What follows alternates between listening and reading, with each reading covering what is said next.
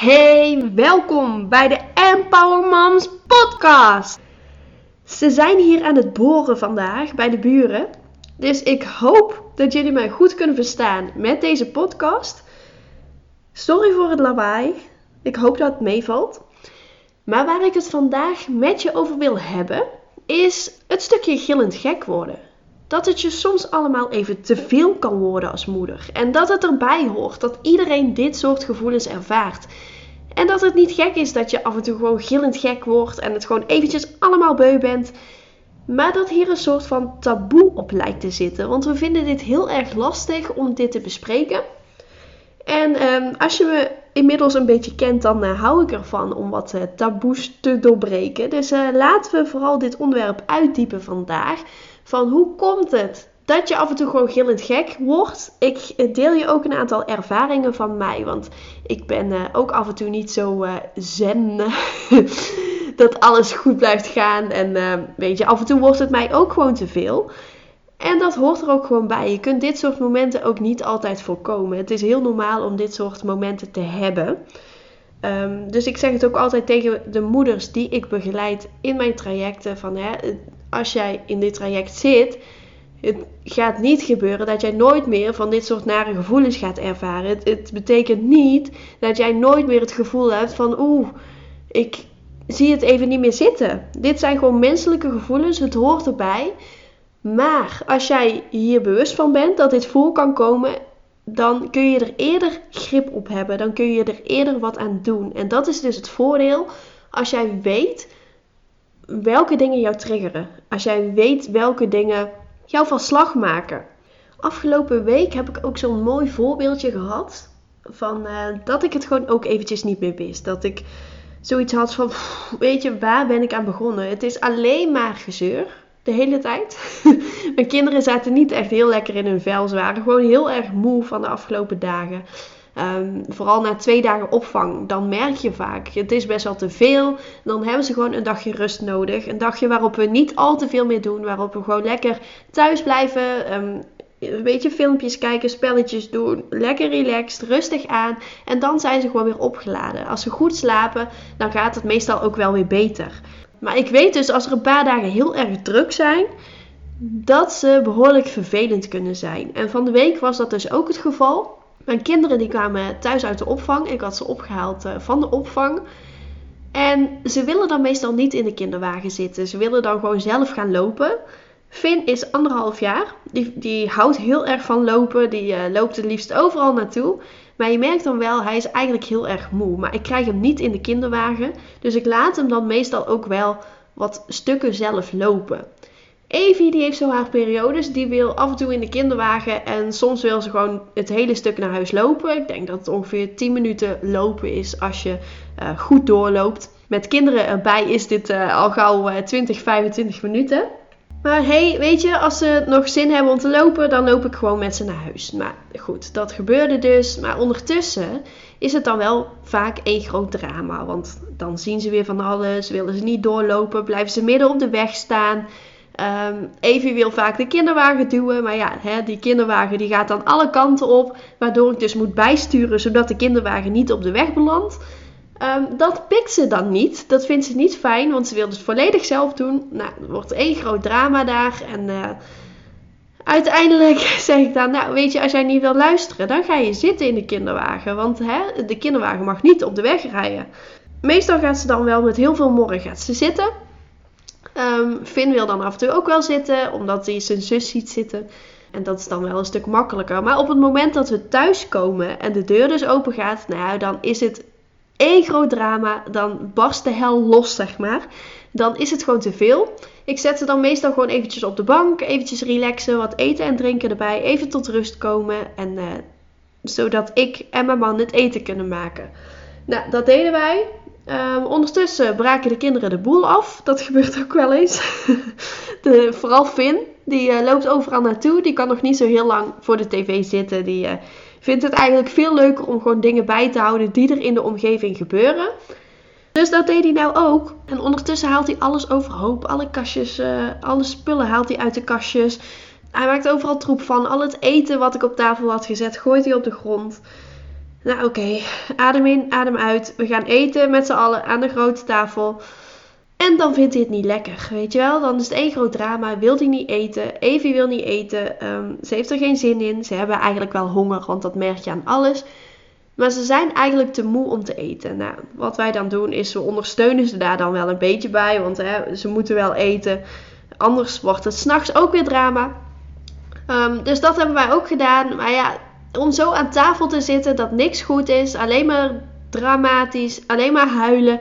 Finn die al zijn eten op de grond gaat gooien. En die zelf ook helemaal bijvoorbeeld onder de yoghurt of onder de spaghetti saus zit. Ja, het is allemaal niet heel erg leuk. En vooral als je zelf ook een hele zware werkdag hebt gehad, kan het gewoon voorkomen dat het je even te veel wordt. Dat je denkt van, waar ben ik aan begonnen?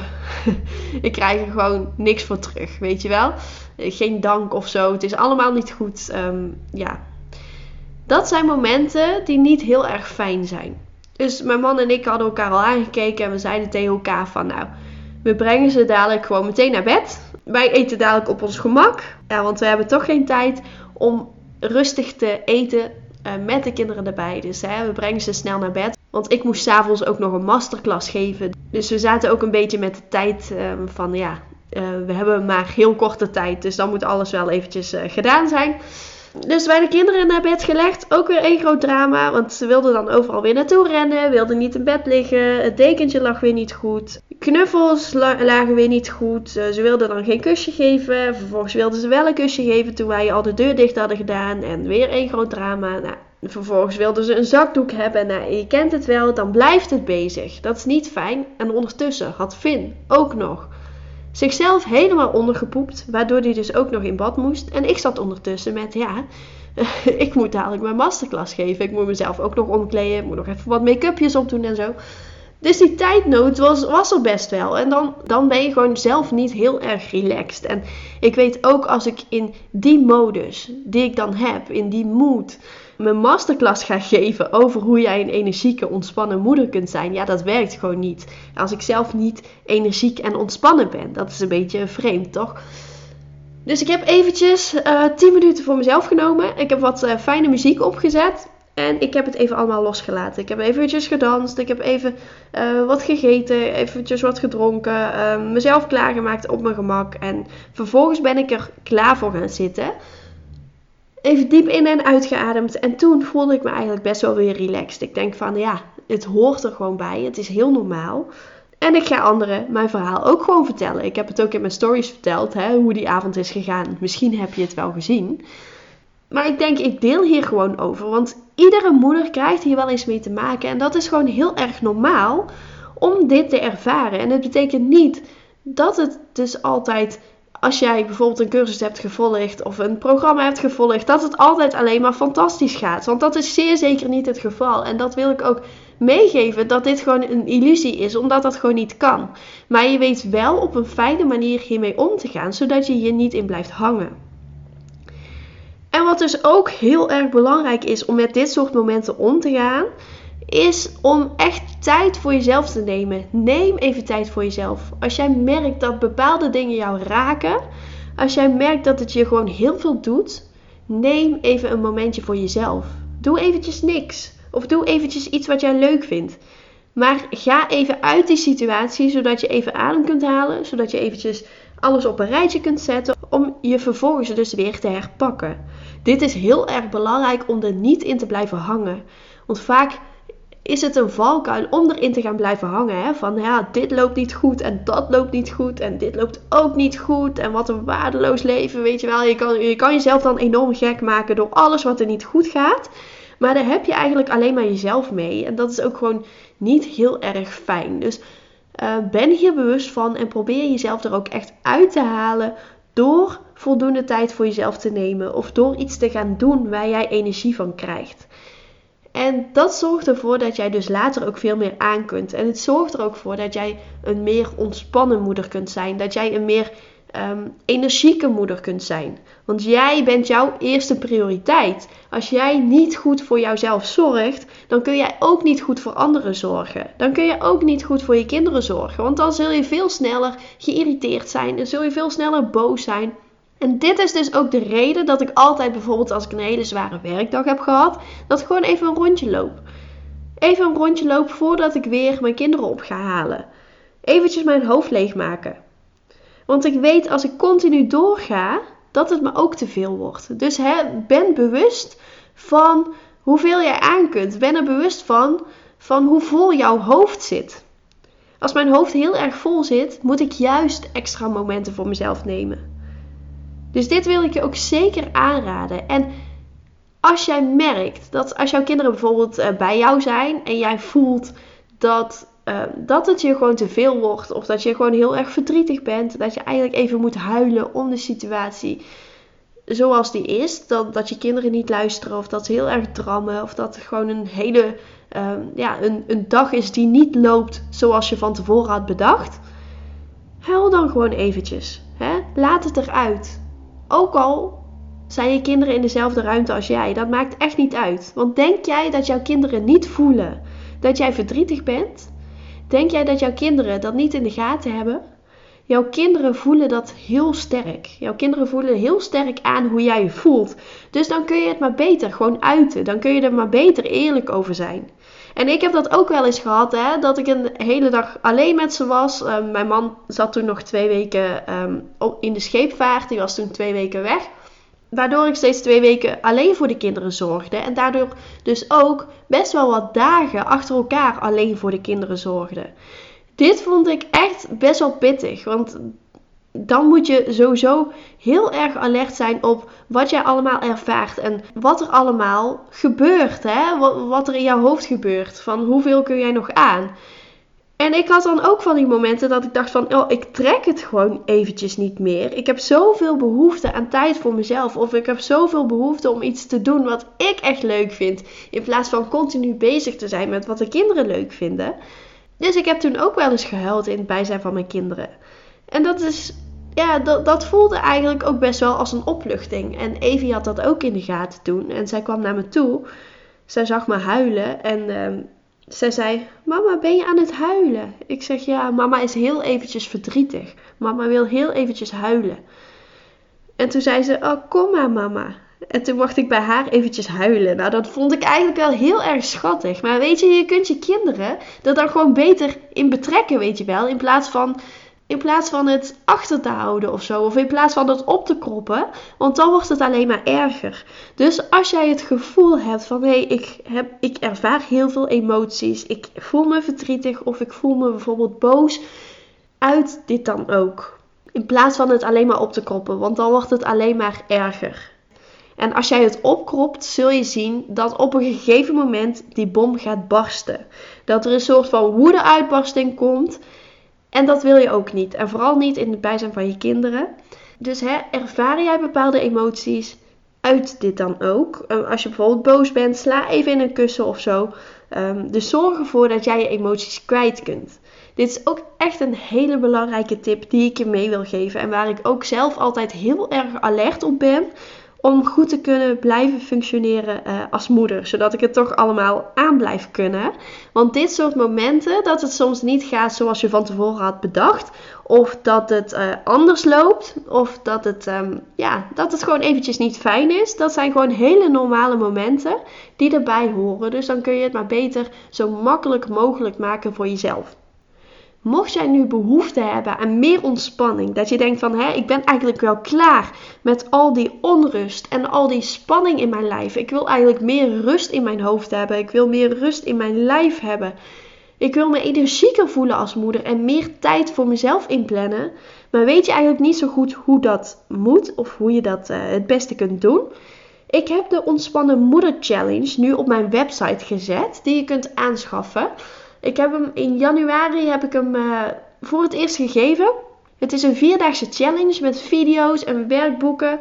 Drie video's van 20 minuten. Drie werkboeken met in totaal meer dan 25 pagina's. Met allerlei oefeningen en tips over hoe jij een ontspannen moeder kunt worden en kunt blijven. En je krijgt een afsluitende masterclass van anderhalf uur. Uh, waarin we ook dieper ingaan op dat stukje ontspanning. Hè? Hoe doe je dat? Um, hoe kun je het beste bijvoorbeeld met perfectionisme omgaan? Ik geef je ook concrete tips over hoe jij dit kunt aanpakken.